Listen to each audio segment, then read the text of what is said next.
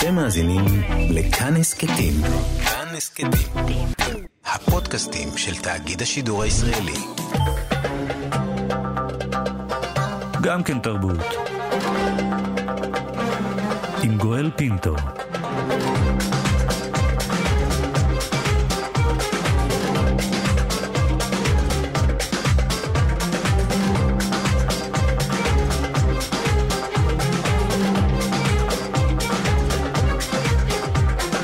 שלום, תודה שבחרתם להאזין לנו. הסכת אה, גם כן תרבות, המיטב מתוך התוכנית היומית שלנו, המשודרת בכל יום ברדיו כאן תרבות, 104.9, 105.3 FM. תהנו. גם כן תרבות, עם גואל פינטו. אם לא נכבד את היהודי כאדם, מי אז יכבד אותנו? כך באוקטובר 1944 כתב הפילוסוף ז'אן פול סארט בחיבורו מחשבות על השאלה היהודית. הספר שעורר שיח עם צאתו אז ולא הפסיק, לא הפסיק לעורר שיח עד היום, רואה אור בתרגום חדש לעברית בהוצאת ספרי עליית גג. נדבר עליו גם על הבעיות שבו. נעשה זאת עם מתרגם הספר מולי מלצר, בוקר טוב לך. בוקר טוב. ולצידך אה, מוציא לאור, המו"ל של ספרי עליית גג, שגם הוסיף אחרית דבר, יהודה מלצר. שלום יהודה. שלום, שלום. תודה שאתה איתנו. אה, מולי, סאחט בכלל הכיר יהודים? הוא הסתובב עם יהודים? הם היו החבר'ה שלו? Uh, לא, ככל הנראה לא, לא ממש החבורה הקרובה שלו. הוא הכיר יהודים uh, בצורה מאוד... Uh, ספורדית אפשר להגיד, מקרית, אה, הוא אה, בלי ספק היה מיודד מאוד עם, אה, יהוד, עם יהודי אחד שהתלבט גם עצמו הרבה עם היהודיות, היהודיות שלו, והוא איש שידוע בשם רמון אהרון, שהיה סוציולוג חשוב, ואיש שעסק גם בפוליטיקה, בכתיבה על פוליטיקה. אמ, אבל זה היה באמת הטיפוס של היהודי המתערה בחברה הצרפתית. שזה דבר, הכיר... שזה דבר שעולה לאורך הספר כולו, וגם הוא זה שעורר את הביקורת הרבה, וזה ההבדלה שסאחט חוסה בין יהודי אותנטי ליהודי לא אותנטי.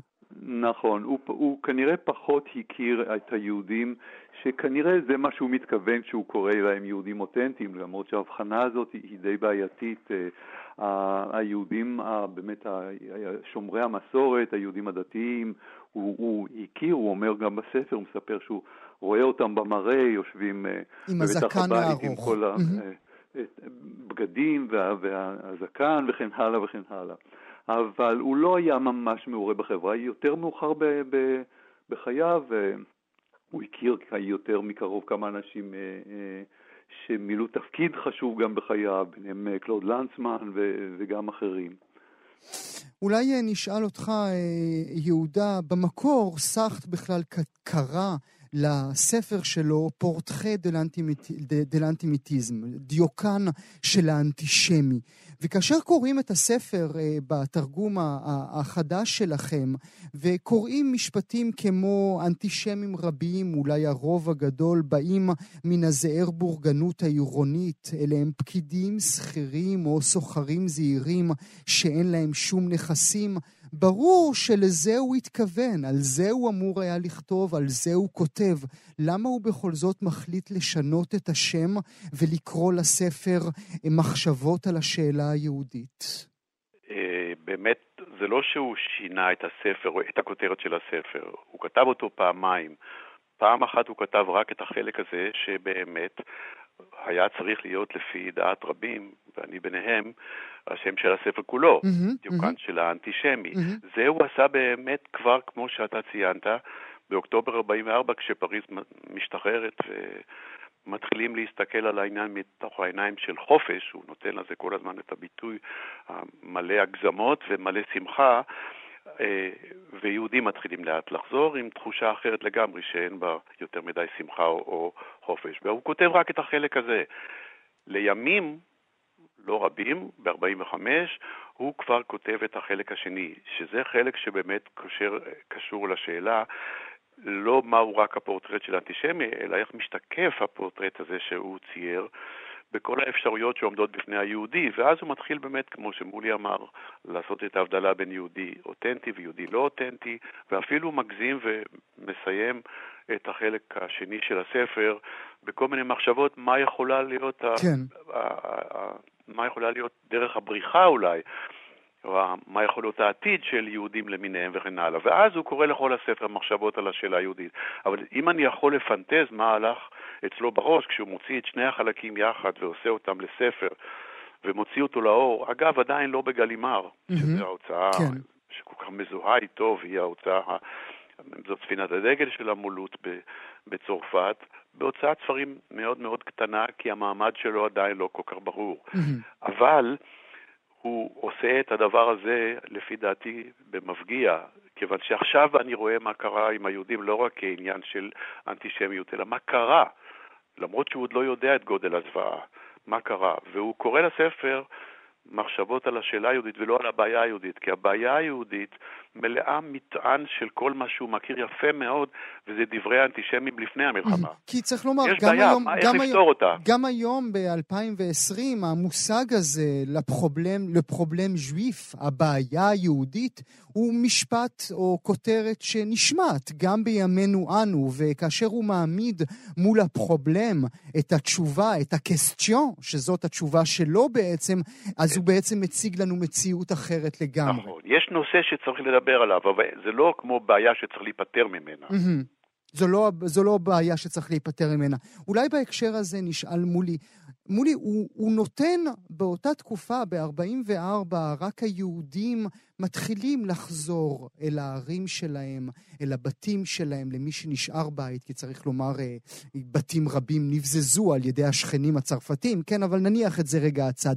הוא, הוא, הוא חוזר, היהודים חוזרים לצרפת, סארט מסתכל עליהם, ונותן להם קול. הוא נותן להם קול כי אף אחד מהצרפתים לא היה מוכן לדבר עליהם ועל מה שעבר עליהם. כן, זה נכון, אה, זה באמת חלק מהכוח, אולי אחד הדברים החשובים במסע הזאת של סארטר. אה, והיכולת הזאת להשמיע את הקול, לדבר על עצם קיומם של היהודים, הנוכחות שלהם והזכות שלהם להתקיים בארץ כמו צרפת, שמתהדרת במסורת הרפובליקנית שלה וכן הלאה. סרטה כותב את זה מאוד יפה, הוא מזכיר איך שבאחד המאמרים שלו באותה תקופה הוא, הוא דיבר על כל אלה ששבים הביתה לצרפת, לפריז, אחרי המלחמה, והוא הזכיר כל מיני חיילים מש, משוחררים, שבויים שהשתחררו וכן הלאה, והוא הזכיר, הוא אומר, כחלק מן הרשימה, הזכרתי גם שחוזרים יהודים. הוא אומר, זה היה כל כך נוגע ללב, שכמה יהודים התקשרו אליי להודות לי, שרק הזכרתי את העובדה הזאת. מעצם האזכור, מעצם זה שהוא כתב את המילה יהודי במאמר שלו. נכון, נכון, זאת אומרת, הנוכחות... כי מי בכלל מדבר עליהם? כן, אז זה באמת חלק חשוב, אני חושב שזוכרים לו גם באמת אה, לטובה את העניין הזה שהוא העז באמת בתקופה שאף אחד לא התעסק בשאלה הזאת ולהפך ניסו באופן אקטיבי לא להתעסק בה, הוא כן העלה את הנושא. וצריך פשוט להזכיר כשסרטר כותב אה, באוקטובר 1944 הוא כותב על הדברים האלה פריז היא שהיא פריז שממש מיד אחרי השחרור ואחרי כמה שנים של כיבוש גרמני והדבר האחרון שיש להם להתעסק זה, זה באמת העניין היהודי, עסוקים בעניין של לחם ו, ו, ולשרוד וקורת גג, אז זה באמת אחד הדברים שאולי הם, הם, הם מאוד מאוד חשובים גם מבחינתנו כשאנחנו רואים את ההיסטוריה ובאמת יש הרבה דברים לומר על צרפת. חפה מאנטישמיות היא לא הייתה, היא בהחלט... היא לא הייתה והיא כנראה לא תהיה גם, אה, לצערנו הרב. אני רוצה ברשותך, יהודה, אה, אני בתחילת התוכנית אה, ציטטתי את ג'ורג' אורוול, שאמר על סארטר שהוא שק מנופח באוויר, והוא מתכוון לתת לו בעיטה טובה אחרי שהוא קרא את מחשבות על השאלה היהודית. למה אורוול הגדול אומר את זה על החיבור הזה של סארטר? אני לא בטוח שאורוול אומר את זה דווקא על החיבור הזה. באופן כללי הוא חשב שהוא... אה, יכול להיות. כן, אני אוקיי. אגיד לך, אני אענה לך תכף על זה, אה, אבל ברשותך אני חוזר לשאלה הקודמת, רק להוסיף מילה אחת. אמרת שהוא מדבר על האנטישמים הבורגנים. אז בעניין זה יש טעות לכאן ולכאן. זאת אומרת, מצד אחד זאת טעות ברורה של סארטר, ועל זה מתעצבן אורוול. מה, אתה מדבר על כך שאולי הפועלים לא אנטישמים? מה, הלכת לבתי החרושת לברר את הדברים האלה בכלל? אתה יושב בבית הקפה, ואתה מכיר את העולם בדרכך שלך, שזו היכרות יפה מאוד ומעמיקה, אבל מה פתאום אתה מדבר כך על פועלים? וזה מעצבן את אורוול, שהוא איש מטיפוס אחר לגמרי. אבל מצד שני, זה לא נכון לומר שהוא הכיר רק את האנטישמי הבורגני. סארטר מלא וגדוש. בלא רק אינפורמציה, אלא ידע אישי של האינטלקטואלים והאומנים הצרפתים בשנים שקדמו למלחמה, כמויות ועומק וסגנונות שונים מטורפים של אנטישמיות. אני חושב שאת אלה הוא שונא הרבה יותר. והוא יודע שזה לא סתם בורגנים. משם הוא מדבר על הבורגנים, ואז הוא מדבר על הפועלים, שכנראה בעולם האוטופי שלו הפועלים אמורים לא להיות. כמובן, אמורים. אמורים. אבל אני חושב לעניין המנופחות, הספר הזה, אם מותר להגיד, זה בעצם המוטיבציה למה עשינו אותו מחדש. הוא ספר מקסים. סארטר היה אקזיסטנציאליסט, הוא למד פנומנולוגיה, מה שקוראים, הביא את זה קצת מגרמניה וכן הלאה. הדבר הזה הוא באמת בשביל הרבה מאוד אנשים שגדלו על המסורת האנגלוסקסית, נראה כל העסק קצת כשק מנופח. Mm-hmm. וסארטר באותו זמן כותב את הספר הגדול שלו, שהוא קרוב לאלף עמוד, כן. לעת רלנאר, mm-hmm. זאת אומרת, זה ספר שיש בו המון דברים מנופחים, במסורת שהיא צרפתית, ומאוד מאוד טעונה במסורת גרמנית. את זה הוא לא, הוא לא יכול לסבול. הספר הזה שאנחנו מדברים עליו, מחשבות על השאלה היהודית, לא תמצא שם שורה אחת שהיא מנופחת. ובזה גורוול פשוט מאוד אה, טועה. אולי, אולי, אולי אני אשאל בכל זאת לסיום השיחה שלנו, אולי אני לא אמצא אה, נפיחות, כן? ככה אני צריך להגיד? אולי אני לא אמצא... אולי. אולי מנופחות. אולי אני לא אמצא מנופחות בספר הזה, ואכן לא מצאתי, או לפחות לא תרגמתי לעצמי ככזה. אבל היו יותר מדי רגעים, ואני באמת אשמח במילה אה, אה, אה, אה, התייחסות של שניכם לעניין הזה.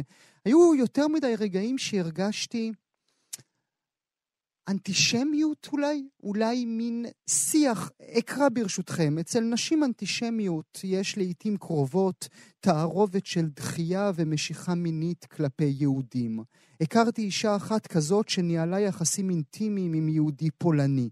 מדי פעם היא הייתה נכנסת אליו למיטה ומרשה לו ללטף לה את החזה ואת הכתפיים, אבל לא להרחיק מעבר לזה. היא הייתה נהנית להרגיש איך הוא נשאר צייתני וכנוע, ולדמיין את ההשתוקקות העזה, המתוסכלת, המושפלת שלו. זה, יש כאן אה, ריח שהולך לאורך כל החיבור, שהוא ריח פחות נעים אה, אה, למה שאנחנו רוצים לשמוע היום. אני חושב שזה מה שסרטה רוצה להגיד לנו. כל העסק הזה מסריח. והוא אומר, אם אתם חושבים שמדובר רק על אנטישמי, כל כך הרבה פעמים בספר, ובעיקר לקראת סופו, הוא אומר, זה בכלל, אצל כל מי שמסתכל שלא במסגרת הסביבה שלו, החוצה. אנשים מסריחים, אנשים אה, אתה נמשך אליהם, אתה נגעל מהם וכן הלאה. סארטר מדבר על גזענות. Mm-hmm. וכמובן, באותו רגע, 90% ממה שהוא מדבר עליו זה מה שבאמת בוער בעצמותיו, כי זה מה שקורה בסביבתו הקרובה וברחובות שלו. וזה אנטישמיות ספציפית מול היהודים. אתה בוודאי יודע שהרבה מן הגזענות בצרפת היום הוא לא רק נגד היהודים, mm-hmm. בעיקר נגד המוסלמים. Mm-hmm. כל, כל הרגשות האלה. סארטר במובן הזה מדבר על משהו שחשוב לנו, ולכן הוצאנו את הספר לאור. והנה, עכשיו אה, הוא על המדפים מחשבות על השאלה היהודית של ז'אן פול סארט בספרי עליית הגג. אני מודה לשניכם, יהודה מלצר ומולי מלצר, תודה רבה שהייתם איתי הבוקר. תודה לך. תודה לך. אה, עשרות אה, שועי עולם ביקרו בישראל לפני כשבועיים, כולם הגיעו לכאן כדי לציין 75 שנים לשחרור מחנה ההשמדה אושוויץ. שרי הממשלה וראש הממשלה כולם התגאו בקשרים הבינלאומיים הטובים שיש לישראל, קשרים שהצליחו להביא את אותם אנשים כאן אלינו לירושלים. אבל האם אותם קשרים יצרו עיוות מוסרי ושכתוב היסטורי של זכר השואה למטרות פוליטיות? על פי הפרופסור דן מיכמן, ראש המכון הבינלאומי לחקר השואה ביד ושם, התשובה היא כן. כן, בסרטונים שליוו את האירוע הוא מצהיר אתמול במכתב רשמי, נפלו אי דיוקים והוצגה תמונה חלקית של העובדות ההיסטוריות. איש הארץ, עופר אדרת, בוקר טוב לך. בוקר טוב. זה אחד המכתבים המדהימים ש, ש, שקראתי ו, ושעליהם אני מדבר כאן uh, בתוכנית. כשאתה מקבל את המכתב הזה, בו איש כל כך uh, חשוב, מופקד על הקתדרה לחקר השואה ביד ושם, מודיע דבר כזה, איך אתה מגיב? אני מגיב בשילוב של הלם וסיפוק. סיפוק כיוון ש... כמו שאתה יודע, גם בעיתון הארץ וגם אצלך בתוכנית, אה, כתבתי ודיברתי לא מעט בזמן הקצר שחלף מאז הטקס הביזיוני הזה ועד עכשיו, בדיוק על הדברים האלה. אז יש לי סיפוק ברמה, לא האישית, אבל ברמה המקצועית, מכך שקיבלתי הצדקה לחשדות שהיו בי לכך שנפל פגם מהותי בארגון האירוע הכל כך חשוב הזה. והלם, כיוון שזה גם אה, דבר שמכה כל בן אדם בתדהמה ובהלם, כל בן אדם שבכל זאת אה, ההיסטוריה יקרה לליבו, ושזכר השואה והנרצחים והקורבנות זה דבר חשוב שהוא מתעסק בו. אז שילוב של שתי, אה, שתי תחושות סותרות מהסוג הזה. ואם נשים רגע אותי בצד ונתמקד במה שחשוב באמת, זה פשוט בלתי נתפס ש... הצליחו לשתות או לרמות, במקרה הטוב, במוסד שאתה הגדרת אותו קדוש, אני לא הייתי מרחיק לכת עד לכך, אבל במוסד אחד החשובים הממלכתיים וה... בוא נגיד, טהורים מבחינה אה, אתיקה מקצועית שיש פה בישראל, אולי האחרונים שעוד נותרו, שאפשר להסתכל עליו, נגיד ככה, ביראת קודש. הצליחו גם לשם לחדור רוחות רעות של פוליטיקה קטנה, של דיפלומטיה זולה ושל אינטרסים זרים שלאו דווקא קשורים ועולים בקנה אחד עם uh, מחקר היסטורי שאמור להיות הרי אנחנו... מאוד מאוד מאוד uh, uh, לא מוטה לכאן ולכאן, אלא המקצועיות אמורה להנחות אותו ולא שיקולים אחרים. אנחנו עוד רגע נשאל מי נתן את ההוראה, אם בכלל אפשר לתת תשובה לשאלה הגדולה הזאת. נאמר אה, גם כן אה, עוד לפני כן שביקשנו את הפרופסור דן מיכמן שיעלה כאן לשידור, הוא סירב, גם רבים אה, מאנשי יד ושם, גם הם סירבו לעלות אצלנו לשידור. ובכל זאת, אני רוצה ברשותך שנלך צעד אחר צעד, שורה אחר שורה, במכתב שמוציאים מיד ושם. הם מדברים על לצערנו הרב, בסרטונים שליוו את האירוע, ובמיוחד בזה אשר נועד להציג בקצרה את נקודות המפתח במלחמת העולם השנייה והשואה, נפלו אי דיוקים. מהם האי דיוקים, עופר, שנפלו באותם סרטונים? ובכן, קודם כל נסביר לקהל מאזינים שבאירוע עצמו, זה ששודר בשידור חי למיליונים ברחבי העולם, מיד ושם, אותו אירוע עם פוטין וביבי וכולי, אה, בנוסף לנאומים שנשאו שועי עולם, אה, הוקרנו גם כמה סרטונים. ויד ושם במכתב התנצלות הזה שמתפרסם הבוקר אצלנו בהארץ, מותח ביקורת במיוחד על הסרטונים האלה. הסרטונים האלה ניסו אה, לייצר איזושהי אה, אמירה, איזושהי אמירה קליפית, אה, זריזה, אה, כלילה יותר גם של אה, השואה, ניסיון לסכם את השואה ככה בכמה שניות על המסך, וגם של האנטישמיות. אפשר כמובן וצריך למתוח ביקורת בכלל על השימוש הזה במדיום של קליפ אה, מבוים שאמור להעביר מסר כזה או אחר, אבל נשים את זה בצד. העובדה היא שבאותם סרטונים נפלו שגיאות, עיוותים וסילופים היסטוריים, על קצה המזלג אגיד לך, נגיד, את החשוב ביותר שבהם.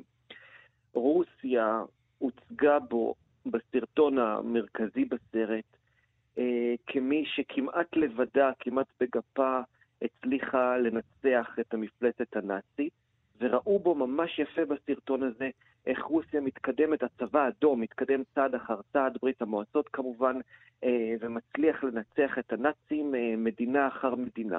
מה שלא הראו באותו סרטון זה בדיוק את ההפך. איך ב-1939 עד 1941 ברית המועצות שיתפה פעולה mm-hmm, עם אותו mm-hmm, צבא נאצי mm-hmm. וכבשה את פולין ודיכאה ועשתה טרור מסוג של אה, משטרים טוטליטריים נגד מדינות נוספות אחרות באירופה. את זה לא יראו בכלל. אתה לא יכול להשתמש שזה, בבמה... שזה, שזה שורה נוספת שנאמרת במפורש במכתב הזה שמתפרסם בהארץ. אומר uh, הפרופסור מיכמן, בסרטונים לא נכללה התייחסות לחלוקת פולין בין רוסיה וגרמניה הנאצית ב-39, או לכיבוש מערב אירופה ב-1940. הוא אומר, פשוט שנתיים העלמנו לכם מההיסטוריה. בדיוק.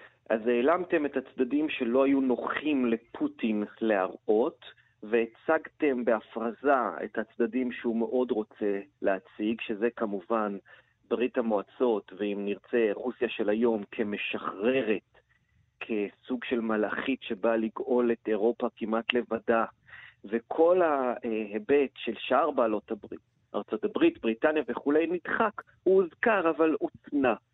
וברית המועצות, שזה בעצם רוסיה של היום מבחינתנו, שככה מוביל את זה פוטין, הוצגה שם באופן חסר פרופורציות וכאמור גם מסולף ומעוות. חוץ מזה, היו גם, וזה כבר באמת יותר למביני עניין ול... חובבי היסטוריה מושבעים, היו הרבה טעויות במפה עצמה. Mm-hmm. הגבולות לא נכונים, שמות של מחנות השמדה וריכוז עשו שם בלבול, שאלו דברים שאולי זו, לא זו כל כך ש... מעניינים. זו, זו באמת שורה, אה, אולי זה, אולי זה חסר לי ב, ב, בהבנה ההיסטורית שלי, בכל זאת אשמח שתתייחס לזה. במכתב אומר פרופסור מיכמן, זיהוי מוטעה של מחנות ריכוז כמחנות השמדה. אה, הסבר לי את זה אולי בדוגמה קטנה. כן, תראה, יש uh, הבחנה בקרב היסטוריונים בין מה זה מחנה ריכוז, ששם לא נרצחו באופן שיטתי בתאי גזים אה, מאות אלפי יהודים, לבין מחנות השמדה שכולנו מכירים, אושוויץ, סוביבור, טרבלינקה, מיידניק. אז, אז הם כתבו. על כזה שהם כזה ועל השני שהוא אחר? כן, ו... זה ו- יד וגם... ושם או שזה כיתה ב' אה, בית ספר, תיכו, בית ספר יסודי? אז פה אתה נוגע בדיוק בשאלה החשובה ביותר. מי נתן את ההוראה? ניסחת את זה מקודם. מי אחראי לפדיחה הזאת, לפשלה הזאת? וזו עדיין שאלה שלא קיבלנו עליה תשובה עד לרגע זה, גם אחרי מכתב ההתנצלות הזה. מכתב ההתנצלות הוא חשוב כשלעצמו, מאוד חשוב להודות בטעות שאתה מעורב בה, אבל במכתב הזה לא כתוב בעצם איך זה קרה. Mm-hmm. מי, מי, יצר את, מי יצר את הקליפים? מי, מי ביים אותם? מי, מי, כתב את, את התסריט? ו... מי אישר את הקליפים? נגיד שמוסד חיצוני, כמו שאני מעריך וחושד, היה זה שהיה אמון על הכנת הסרטונים האלה. יד ושם, כמי שבשטחו נערך האירוע ומישהו שותף מלא לאירוע, אמור היה לכל הפחות לצפות בהם מבעוד מועד, להראות אותם להיסטוריונים שלו, הפרופסורים המכובדים, והם היו אמורים להגיד, סטופ, יש פה טעויות היסטוריות, אנחנו לא מוכנים שזה יוקרן בשטחנו, ולא קרה. אז יש פה שתי אפשרויות. או שיד ושם נתן במה חופשית לתכנים זרים שיוצגו על חשבונו, וזה דבר חמור מאוד, או שיד ושם נרדם בשמירה ואמר אוקיי, אוקיי, ונתן אור ירוק לסרטונים בלי לגמרי לשבת לצפות בהם כמו שצריך. איך שלא מסתכלים על זה, נעשו פה טעויות שדורשות בירור. אבל ברשותך, אני רוצה לשים כוכבית לרגע אחד, כיוון שבתוכנית מהסוג שלך נותנים במה גם למציאות מורכבת יותר, שהיא לא תמיד שחור ולבן. חובה בהקשר הזה לשוב ולהדגיש, יד ושם עובדים שם בכירי וטובי ההיסטוריונים המקצוענים ביותר בעולם בתחום של חקר השואה. יש שם אנשים עם מוניטין ועם אה, הערכה מקצועית ועם קריירה שמקדישים באמת את כל ימיהם לכתיבה ולחקר של פרקים מאוד חשובים בהיסטוריה היהודית ובהיסטוריה העולמית בקשר לשואה ולנאצים וכולי וכולי וכולי. האנשים האלה מפרסמים מאמרים, עורכים כנסים, מפרסמים ספרים ומחקרים, משתתפים בסימפוזיונים בכל העולם.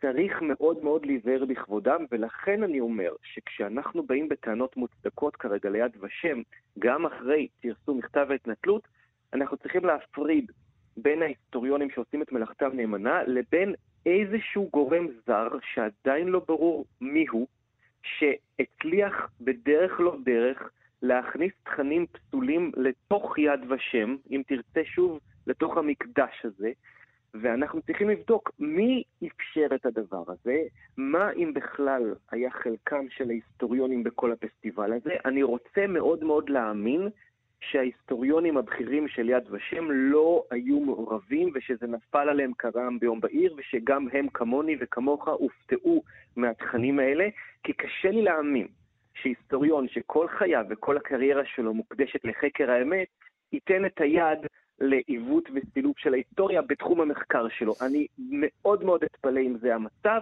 כמעט בטוח שזה לא המצב. ועד שנדע את התשובות, אולי שאלה לסיום ברשותך. מדוע פרופסור דן מיכמן לא מתפטר? אפשר לשאול את זה, ואפשר לשאול גם מדוע מישהו בכיר יותר ביד ושם בהנהלה לא מתפטר. אה, זה כבר שאלות של פוליטיקה ארגונית שאין לי תשובה עליהן. אני גם, אתה יודע, אני גם לא מתיימר לנסות לענות על הדברים האלה. לי חשוב הדיוק ההיסטורי. אם הבן אדם צריך או לא להתפטר בעקבות זה, זה כבר עניינים שיצטרכו לפתור בעצמם.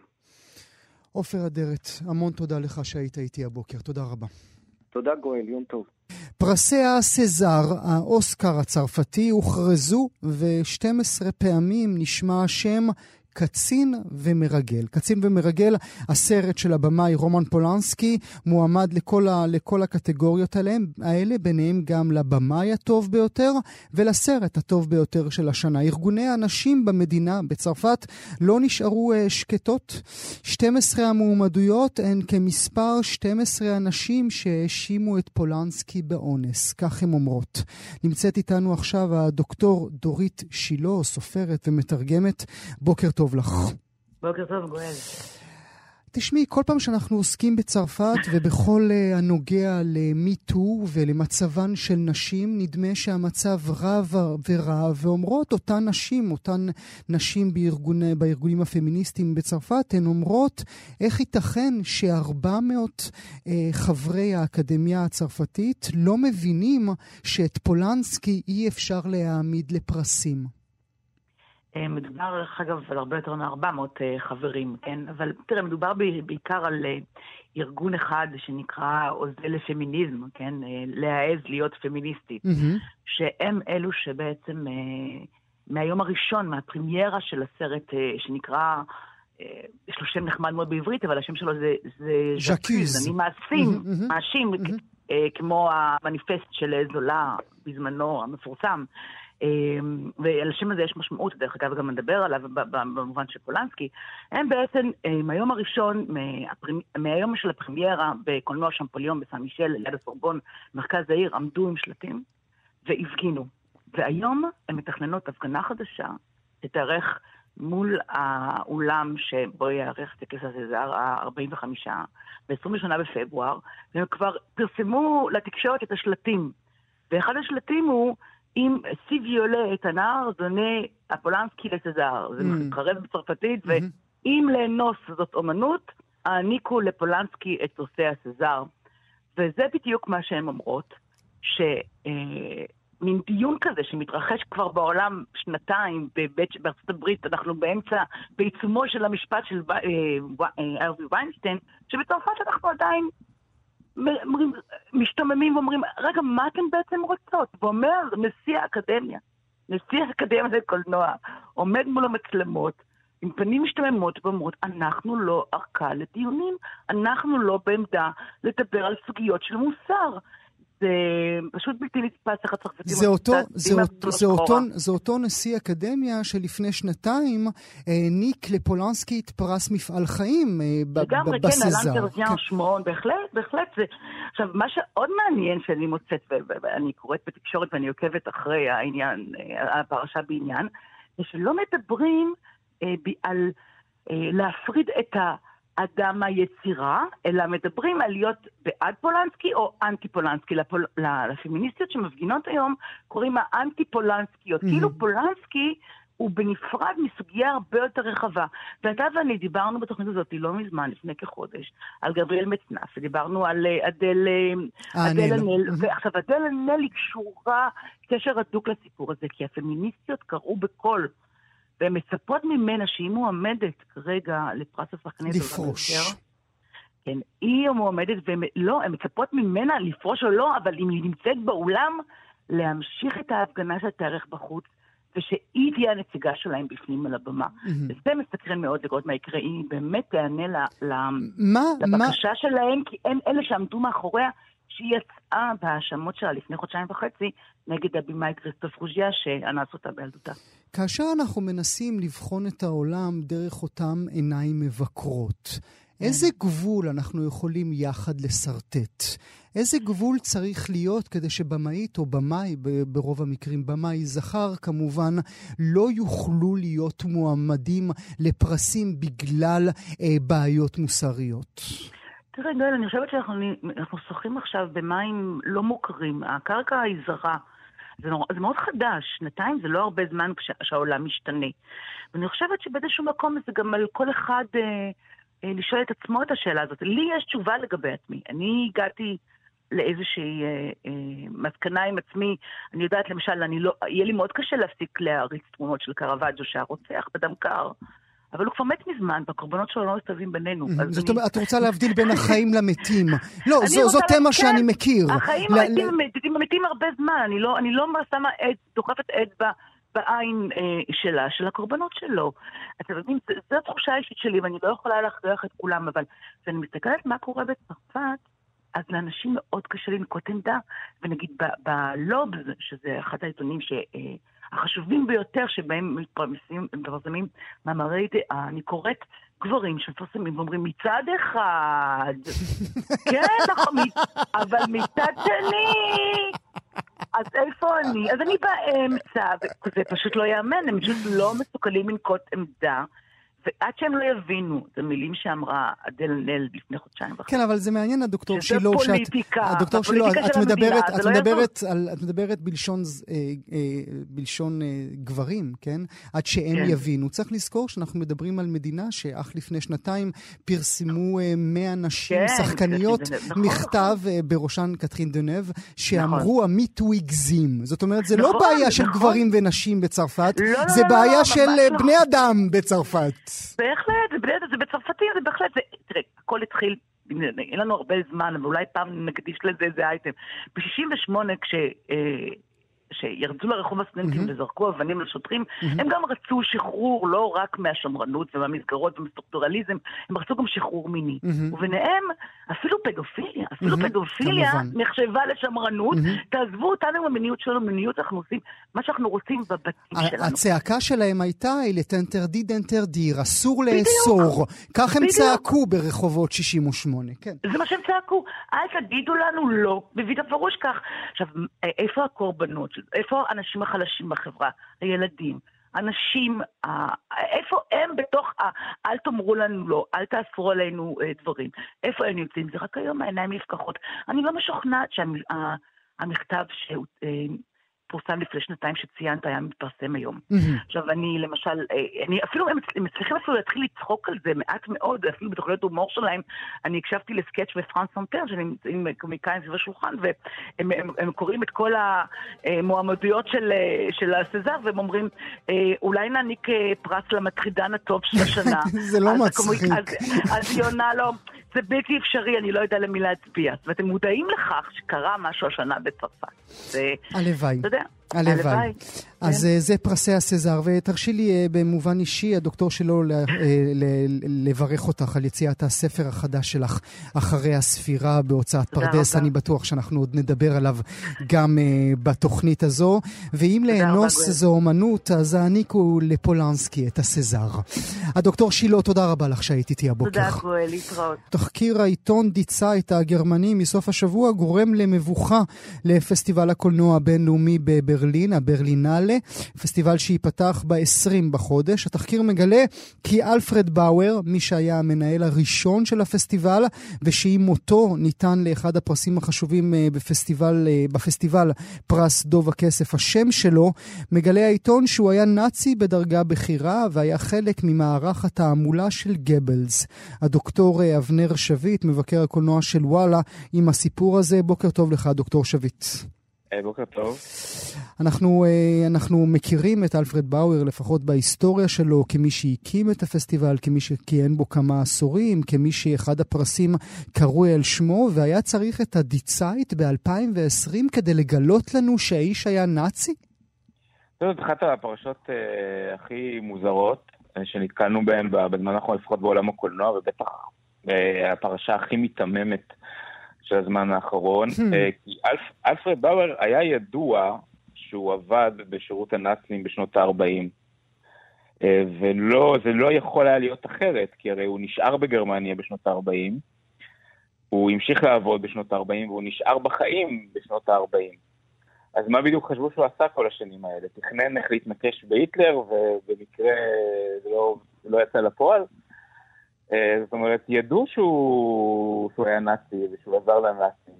מה שלכאורה התחקיר חושף זה שבעבר הוא טען שהוא היה מה שנקרא במרכאות מתנגד שקט למשטר, שמה זה בדיוק מתנגד שקט? אחד שמשרת את הנאצים אבל בלילה מקלל אותם, mm-hmm. והתחקיר חשף שהוא בעצם היה אה, נאצי נלהב. אבל תסלח לי, בעצם התחקיר הזה לא מחדש שום דבר. אז, אז אולי, אולי הוא כן מחדש, הדוקטור שביט, במובן הזה שהוא מגלה את הפנים המכוסות של כל הסיפור הזה של ההשתקה שק, שקרתה, ואנשים שנתנו להם להתקדם גם בעולם שאחרי אבל... המלחמה. זה היה, זה היה בשנות ה-40, כמה שנים עברו מאז? 70? Mm-hmm. לא, לא ידעו את זה כל 70 השנה, ידעו שהוא, שהוא, שהוא עבד בשירות אה, גבלס בשנות ה-40. מה גילו עכשיו? שהוא, שהייתה לו יותר מוטיבציה ממה שחשבו? אם גילו את זה רק עכשיו, זה כי לא רצו לדעת, זה הכל. אז מה פתאום ב-2020 רוצים לדעת משהו שלא רצו לדעת כל, כל השנים האלה? אה, איך אפשר היה לחשוב אה, משהו אחר? לא יכול להיות שבן אדם נשאר בגרמניה, עבד בגרמניה ונשאר בחיים, והמשיך אה, לפעול בתעשיית הקולנוע בלי שהוא שיתף פעולה עם הנאצים, נכון? זה הרי לא יעלה על הדעת. אם הוא באמת היה מתנגד למשטר, אז הוא לא היה, הוא לא היה נשאר בחיים להקים את הברלינלה. כמובן. מה שהדיצייט כן. מספר ממסמכים שהם הצליחו להשיג, זה במובן הזה שהיה לו הרבה מאוד כוח בידיים בעת שהוא עבד תחת מערך התעמולה של גבלס. הוא זה שהחליט מי יישאר ויצלם סרטים ומי, יישלח למלחמה. היה לו כוח אמיתי. אז קודם זה שהוא היה נאצי קטן ולא נאצי בינוני, אז, mm. אז כן היה בסדר mm-hmm. שהוא... שהוא, אה, שמחלקים אה, פרס על שמו. אה, אני חושב שיש כאן שני דברים. דבר ראשון זה Die Zeit הוא, הוא עיתון, הוא צריך כמובן לעשות כותרות, למכור עיתונים, והוא עושה את עבודתו העיתונאית אגב. הדבר השני זה שלפסטיבל ברלין יש מנהלים חדשים, mm-hmm. כולל מנהל אמנותי שהוא לא גרמני, שהוא mm-hmm. איטלקי, ואני חושב שלא כולם בגרמניה אוהבים את זה, והוא מטרה קלה שרוצים אותה, ולכן עושים את התחקיר הזה עכשיו, למרות שזה תחקיר שאפשר היה לעשות אותו, אם לא בשנה, אפשר לעשות אותו בשנה שעברה, ואפשר גם לעשות אותו ב, אה, בשנות ה-60. אה, אני חושב שזה רק מראה לנו גם כמה גרמניה לאורך השנים אה, היתממה, ו... ותוך כדי זה שהיא מספרת לעצמה סיפורים כמו הוא היה מתנגד שקט, או הוא לא באמת היה נאצי, נתנה לאלפי נאצים להמשיך לקיים. כמובן.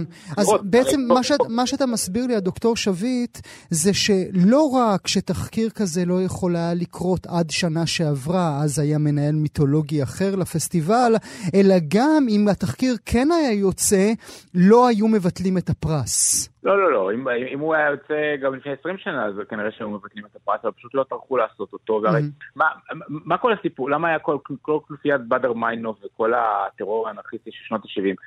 אחד הדברים שהם יצאו נגדם זה נגד העובדה שכל גרמניה באותה תקופה, המנהלים בעמדות בחירות, לא רק בקולנוע, כמובן. חשובים, היו נאצים ונאצים לשעבר.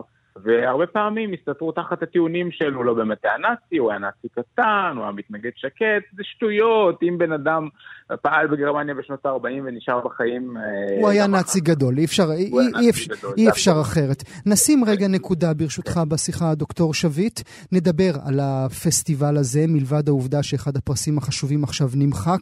אה, אני לא יודע אם לא יעניקו אותו או שיעניקו לא, לא אותו לא תחת השם אחר. איך זה עובד? בוטל. הפרס לא יוענק. אוקיי, אז הנה אתה מסביר לנו את זה. ניתן אה, מספר מילים, הפסטיבל, אה, המהדורה החדשה, ה-70 במספר, תיפתח ב-20, הפסטיבל ייפתח ב-20 בחודש הקרוב. הנהלה חדשה, זה כבר רמזת לנו. תחרות חדשה. איך ככה ממעוף, ככה בלי שניכנס לפרטים, את זה נעשה בשיחה אחרת, איך התחרות הרשמית נראית לך? לא, זה הפסטיבל ה-70, אבל צריך לקרוא לו הפסטיבל ה-99, כי יש לו 99 צרות. Mm. וכל צרה אפשרית אה, נחתה עליו, והתחקיר הזה זה רק הצרה האחרונה. אה, הם איבדו נותני חסות, יש אולמות שנסגרו בברלין וכבר אין כל כך איפה להקרין את הסרטים, מועדון חשפנות שנפתח במרתף שעורכים בו קבלות פנים של הפסטיבל, כל צרה ש, שאתה רוצה, יש להם גם בעיה שהם לא מצליחים להביא שמות גדולים באמת לפסטיבל. באופן מעניין אגב, הכוכבים הכי גדולים יהיו דווקא במסגרת הטלוויזיונית בפסטיבל, שהציגו בסדרות חדשות של נטפליקס, שבהן יש שמות גדולים. בתחרות הרשמית אין שמות גדולים, אה, לא, לא יצא מכאן פרזיטים הבא, אה, לא יצא מכאן היו זמנים בהוליווד וגם לא יצא ג'וקר. אבל בפרספקטיבה של עולם הפסטיבלים יש להם דברים מאוד מאוד יפים. יש להם סרטים מעניינים, שוב, לא סרטים שיפקעו מה... מהתקרה הזאת של אה, עולם הפסטיבלים, אבל כן דברים מאוד מעניינים ב... ב... בתוך הליגה הזאת של. עולם הקולנוע האמנותי, ומשהו שמאפיין את התחרות הרשמית השנה, סרטים מאוד מאוד מדכאים. הנושאים מאוד מאוד קשים. ושוב, בלי נשים, הדוקטור שביט. אה, לא, אה, לא עם הרבה נשים, לא, אין שוויון. אני אוהב אבל... כשאתה מדייק אותי. מה זה, זה שישייה מול עשרים? כמה, מה, מה המספר השנה? כן, אבל בוונציה היה לך... ארבע מול עשרים, נכון, נכון, נכון. אה, שוב, אה, אנחנו, הבעיה קיימת, אבל היא לא מתחילה בפסטיבל, היא מתחילה מזה שכמות הסרטים שנעשים מלכתחילה היא לא שוויונית, אלא זה במקרה כן. הטוב 20 אחוז סרטים של נשים. אני כן רוצה אבל להגיד שמבין הסרטים שהוקרנו, אולי שלושת הסרטים הכי מסקרנים הם של במאיות. שלוש מהבמאיות הכי אה, מסקרנות שפועלות היום, שזה קלי רייכרד, עליזה חיטמן וסלי פוטר. אה, סלי פוטר זה תמיד טוב, אנחנו נדבר על אותן נשים בהזדמנות אחרת. עוד מילה... גם לישראלים אגב, אה, אם כבר מדברים על ה... עניין הנאצי, אז uh, גם אין, אין כמעט ישראלים השנה הבאה. זהו, אז מילה לסיום על הישראלים. מה, אני ספרתי שניים, נכון? או, ש, או כן. שמישהו נוסף? אחד בתחרות הקצרה שאותו ראיינו כבר uh, בתוכנית, כן. והשני זה רענן אלכסנדרוביץ' שמגיע עם חדר צפייה, נכון? כן, אה, או איך שקוראים לזה מראה, וגם יש דוקו של, יש דוקו של ונסה לאפה, שהוא דוקו אגב על אלברט שפר, שגם היה, גם היה נאצי. האדריכל, כן. כן, כן, בכלל במרכאות. אה, הוא גם, כן, היה, גם הוא אמר שהוא היה מתנגד שקט למשטר. סיפורי סבתא. אז, אה, אז שנה אחרי שבמאי ישראלי אה, כתב את פרס דוב הזהב, אין ישראלים כמעט שמגיעים השנה לתחרות. גם על זה אנחנו נדבר בהזדמנות אחרת. כן, אפשר גם לדבר בהזדמנות על זה ש... בוא נגיד ש... אם זה לא היה סרט כל כך ביקורתי נגד ישראל, אני לא יודע אם בברלין היו כל כך שמחים להעניק לו את דוב הזהב. זה בטוח. כבר אנחנו פה בקונטקסט הרחב הזה שאנחנו מדברים בו.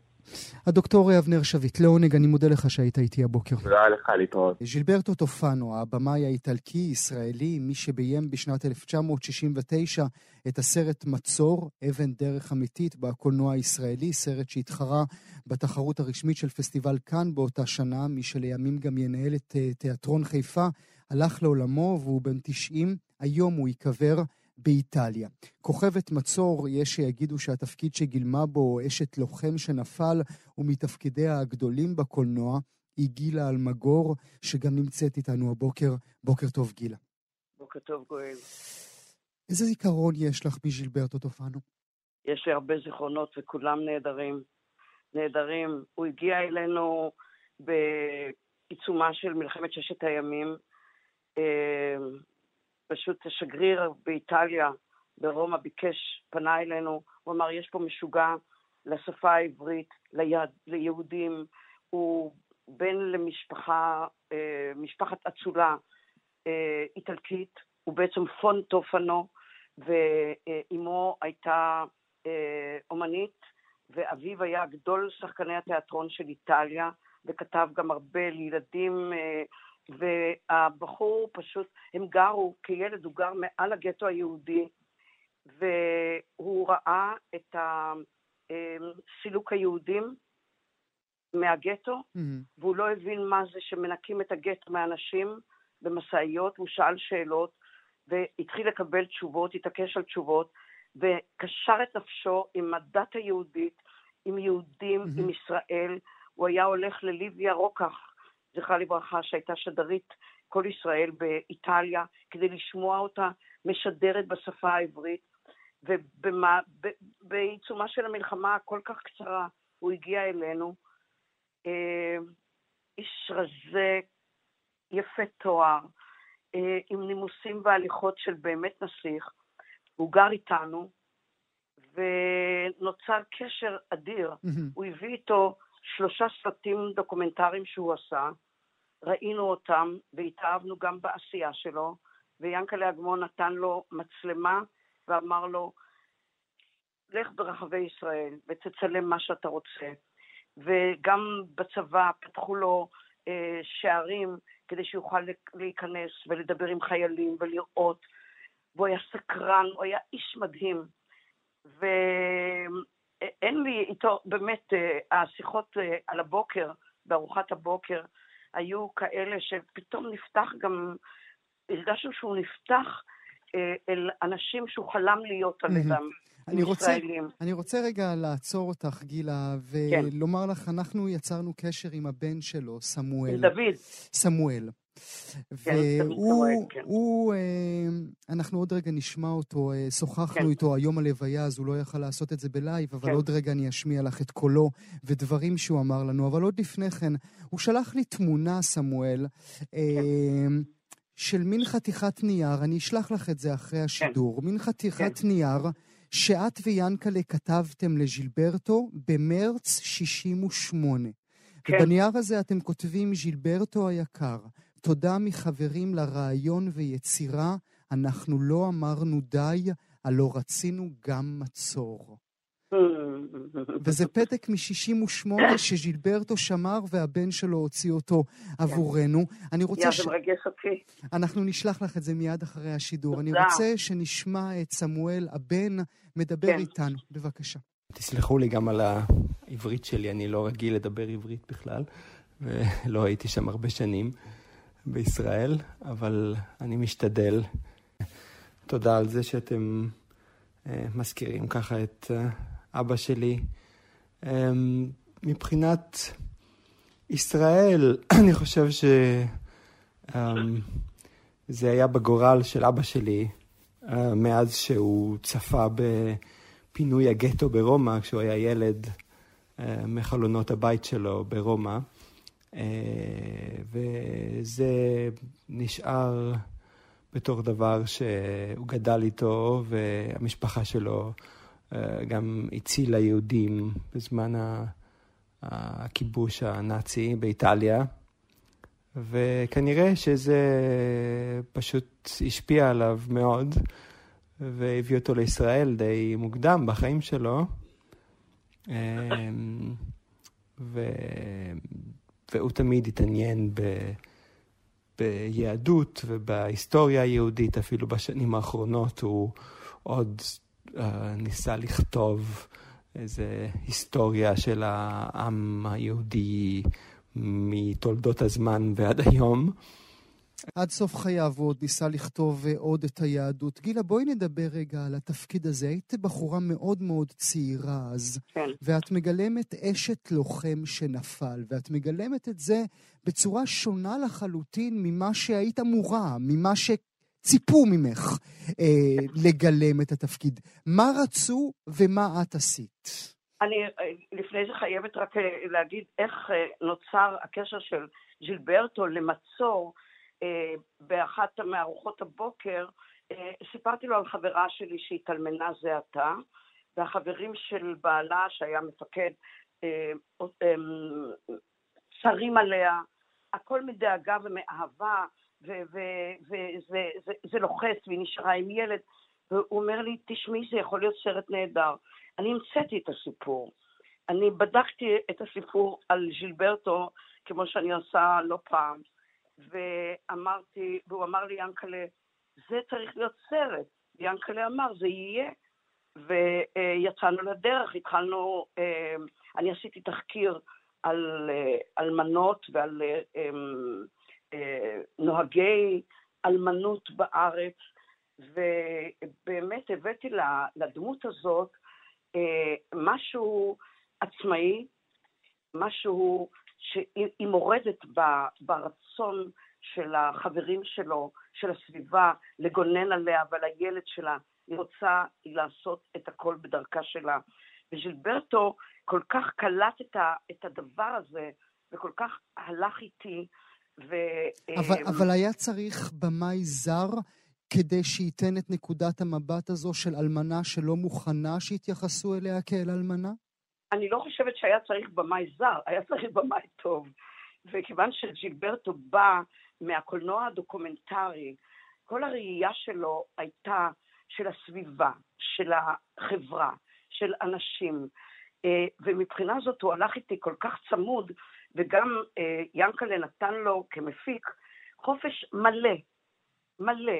ואני חייבת להגיד, הייתה גרסה של הסרט ברפקת שלא הייתה דומה לגרסה הסופית, ונפלו פנינו, והיה גם מצב שעוד לפני שהסרט בכלל אה, יצא לדרך, כבר קיבלנו נאצות איך אנחנו מעיזים לעסוק באלמנות, בשכול, אה, אה, מה אנחנו יודעים על זה. Mm.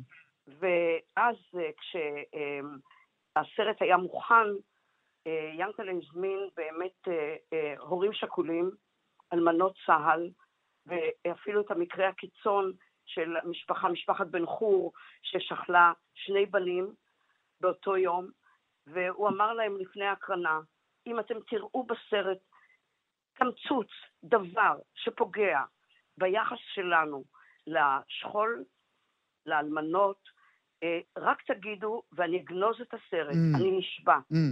וכשהסרט, ההקרנה נגמרה, הם חיבקו את ינקלה ואמרו לו תודה, רק ככה, רק ככה צריך לדבר עלינו, עלינו כמשפחת השכול, עלינו כאלמנות, ובאמת מבחינה זאת, אה, העובדה שז'ילברטו בא ממקום אחר, העין האובייקטיבית שלו הייתה... היא אפשרה את הדבר הזה. אחד הנכסים לסרט הזה. אני רוצה רגע שנשמע שוב את, אה, את הבן של כן. ז'ילברטו טופנו, כאשר הוא מתייחס גם אלייך, גילה, וגם כן. אל uh, הקרנת הסרט בפסטיבל כאן באותה שנה. כן. זה היה ממש uh, תפקיד מושלם בשביל גילה בסרט הזה. ו... אמ, בעצם חבל שהפסטיבל בכאן אמ, לא הצליח לתת שום פרס לסרט, ו, וגם לגילה אולי. אה, בגלל מה שאני מבין, היה גם איזושהי בעיה פוליטית עם ישראל כמובן באותם שנים, אחרי 67. אמ, אבל כן, זה Um, היא שחקנית נהדרת, ו... והסרט הזה הוא אהוב עליי גם, גם בגלל ה... הדרך שבו היא הצליחה ל... לרגש עם, ה... עם התפקיד הזה. אז אלה היו באמת uh, סיבות פוליטיות שיצאתם מפסטיבל כאן עם הסרט הזה בידיים ריקות? אתה רוצה שאני אענה? כן. כן, בהחלט. זה היה, אה, אני כבר הייתי בארץ, נסעתי אה, אחרי שהסרט הוקרן, חזרתי לישראל, כי היו לי הצגות של אה, לילה במאי בתיאטרון אצל אגמון, ואגמון עוד נשאר עם שייקה בן פורת, כי התעניינו בסרט, וקראו לי דחוף, דחוף, דחוף לבוא, כי אני עומדת לקבל את דקל הזהב.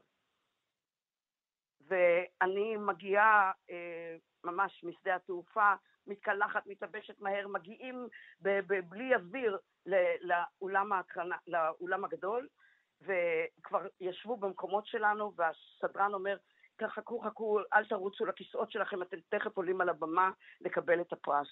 ואז uh, מכריזים על הפרס, ונסה רגב קיבלה על uh, hmm. uh, uh, uh, תפקיד שהיא עשתה, היא הייתה נפלאה, אבל זה היה uh, בדיעבד, ומהר מאוד נודע לנו שזה היה הרוסי, הנציג הרוסי בחבר השופטים אמר, על גופתו המתה. ישראל הייתה אז, הם, הם לא היו מוכנים לתת יד ששחקנית ישראלית תצא עם הפרס החשוב הזה. ואני רוצה רק להגיד... וזה לא סתם, אלא, אלא לוותר על שחקנית ישראלית תמורת שחקנית שהיא בעצם הפוסטר גרל של הפעילה תומכת לזכויות הפלסטינים, במסרת נכון, גריאב. אבל מעבר לזה, אני רוצה להגיד לך, אה, אצלי בבית יש מברקים שהגיעו מוויסקונטי אה, שהיה יושב ראש חבר השופטים, מריבל, כל חבר השופטים שכולם התנצלו על מה שקרה בבחירה. יש קבלות, יש מברקים אה, כתובים, ומרי בל לקחה אותי אחר כך לפריז, והגברת דה רוטשיילד עשתה אירוע והקרנה ענקית לסרט הזה, ואני זוכרת שעליתי על הבמה עם מרי בל יד ביד, והיא אמרה, אני רוצה להציג בפניכם את הגברת הקטנה, שהיא השחקנית הכי גדולה שיש היום. איזה יופי, איזה יופי היה, של זיכרון. הסרט הזה באמת, בכל מקום שהוא היה, כן פרס, לא פרס, זה היה באמת מכה אה, מתחת לחגורה, אבל פת... אז הבנתי שאין פרס או אין סרט או אין שום דבר לא קורה עד שזה קורה באמת. אה, לא יצאנו משם חפויי ראש, יצאנו מנצחים, וכל ההיכרות שלנו עם ז'ילברטו, מהרגע שהכרנו אותו, הייתה נכס, כי גם ז'ילברטו אה, התגייר, אה, עבר ברית מילה, ניסה לישראלי, יש לו את סמואל בנו היהודי, והוא קבע את גורלו פה, וחזר אחר כך לאיטליה, ונשארנו איתו בקשר, ראינו את ג'ילברטו לאחרונה, אני חושבת לפני שנתיים, כשהיינו שם במסגרת פסטיבל של סרטים ישראלים, והבטחנו לו שנביא אותו לארץ להקרנה חגיגית של מצור, ועוד דיברנו עם אלון גרבוז, שזה יהיה בסינמטק תל אביב, אבל בן אדם עושה תוכניות ואלוהים צוחק לו בפנים. בדיוק ככה. כל כך צר לי על ג'ילברטו. אנחנו כל כך, כל כך היינו קשורים ואוהבים אותו. אני רוצה, אם אתה, אם אתה יכול, אני, אין לי קשר אל סמואל, אבל אני מקווה שהוא שומע אותי, שהייתי מאוד רוצה אה, לחבק אותו, לדבר איתו, לספר לו קצת אה, על אבא שלו דברים שאולי הוא לא יודע על התקופה של, של מצור, כל ה... זה סיפור אהבה אה, באמת שהתחיל באנונימיות מוחלטת, לא ידענו מי, מה, במה מדובר. אמרנו, משוגע, רוצה להיות עם ישראלים במלחמה, שיבוא. ומזה באמת, הוא גם ביים את צפון ריבר. כן. בבימות, בתיאטרון בימות של אה, ינקלה, שהיה בעצם גם פריצת דרך בתיאטרון הישראלי, שהוא עשה עם קבוצת צעירים, אחר כך יוסי יזרעאלי עשה את אה, איש חסיד היה כבר גם בסגנון הזה, שהוא באמת הביא סגנון קצת של ה... קצת של האחר, של האיטליה, של, שלו. אז כמובן, ש, כמובן שהבן שלו אה, שומע אותנו, ו, ו, כן. וגם את התמונה נשלח לך, הכל. גילה אלמגור, אני מודה לך מאוד, לזכרו של ג'ילברטו טופנו. תודה שהיית איתי הבוקר. תודה, תודה, תודה על הכבוד שאתם נותנים לו, לג'ילברטו. תודה, גילה. כאן הגיעה לסיומה תוכנית נוספת של גם כן תרבות. כרגיל, אנחנו שולחים אתכם לעמוד הפודקאסטים שלנו, עמוד ההסכתים, בכתובת כאן.org.il/פודקאסט, שיהיה לכם מה להאזין. תודה שהייתם איתנו.